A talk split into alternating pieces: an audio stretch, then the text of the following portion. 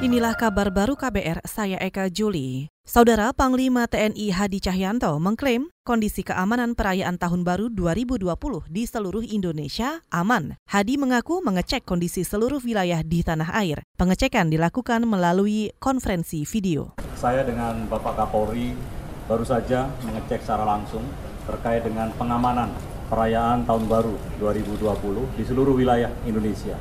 Dan saya berikan motivasi kepada seluruh aparat keamanan, Polri, TNI untuk bekerja secara humanis dan sesuai dengan SOP maupun protap itu tadi Panglima TNI Hadi Cahyanto. Sementara itu, juru bicara Mabes Polri, Argo Yuwono, menyatakan jumlah pasukan yang bersiaga mengamankan malam pergantian tahun sekitar lebih dari 190 ribu personil gabungan TNI Polri.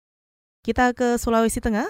Kepolisian daerah Sulteng menangkap lima orang terduga jaringan teroris di wilayah Sulawesi Tengah. Ini diungkapkan Kapolda Sulawesi Tengah, Safeil Nursal, dalam konferensi pers akhir 2019.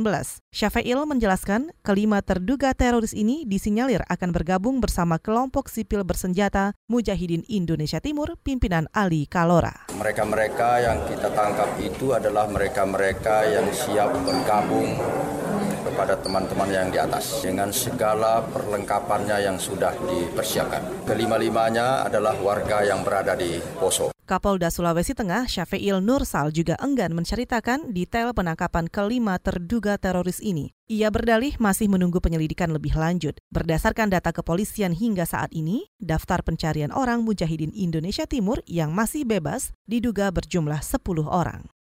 Kita ke Papua. Kapolda Papua Paulus Waterpau mengklaim anggota Polri yang diperbantukan ke Kabupaten Intan Jaya ditarik sejak beberapa waktu lalu. Penambahan aparat itu sebelumnya dilakukan untuk mengejar kelompok bersenjata yang menembak dua TNI pertengahan Desember lalu. Sebenarnya kan anggota kita yang di Sugapa kan sudah ditarik ya. Sudah ditarik. Jadi saya mau cek lagi. Tapi intinya ya masyarakat usah takut, tidak ada apa-apa. Itu kan yang kita cari kan bukan masyarakat biasa. Mereka adalah masyarakat yang berkelompok tertentu itu. Kapolda Papua Paulus Waterpau juga mengimbau kepada guru yang sempat mengungsi pasca penembakan untuk kembali. Saudara kontak senjata terjadi antara aparat dengan kelompok separatis di Kampung Kolapa dan Kampung Wabui Intan Jaya. Peristiwa ini menyebabkan dua anggota TNI tewas.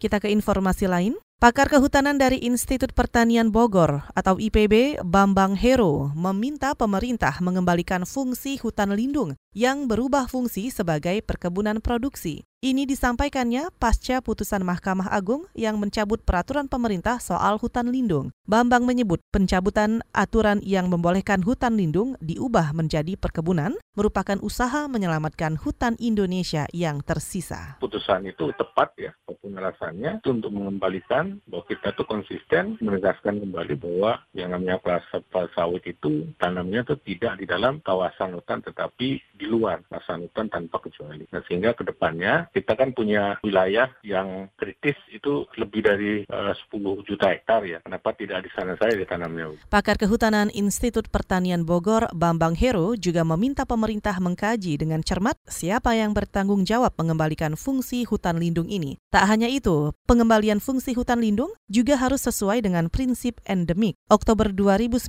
lalu, Walhi mengajukan uji materi terkait peraturan pemerintah tentang perubahan peruntukan dan fungsi kawasan hutan ke Mahkamah Agung. Status uji materi ini diputus tiga hakim pada Desember 2019. Saudara demikian kabar baru, saya Eka Juli.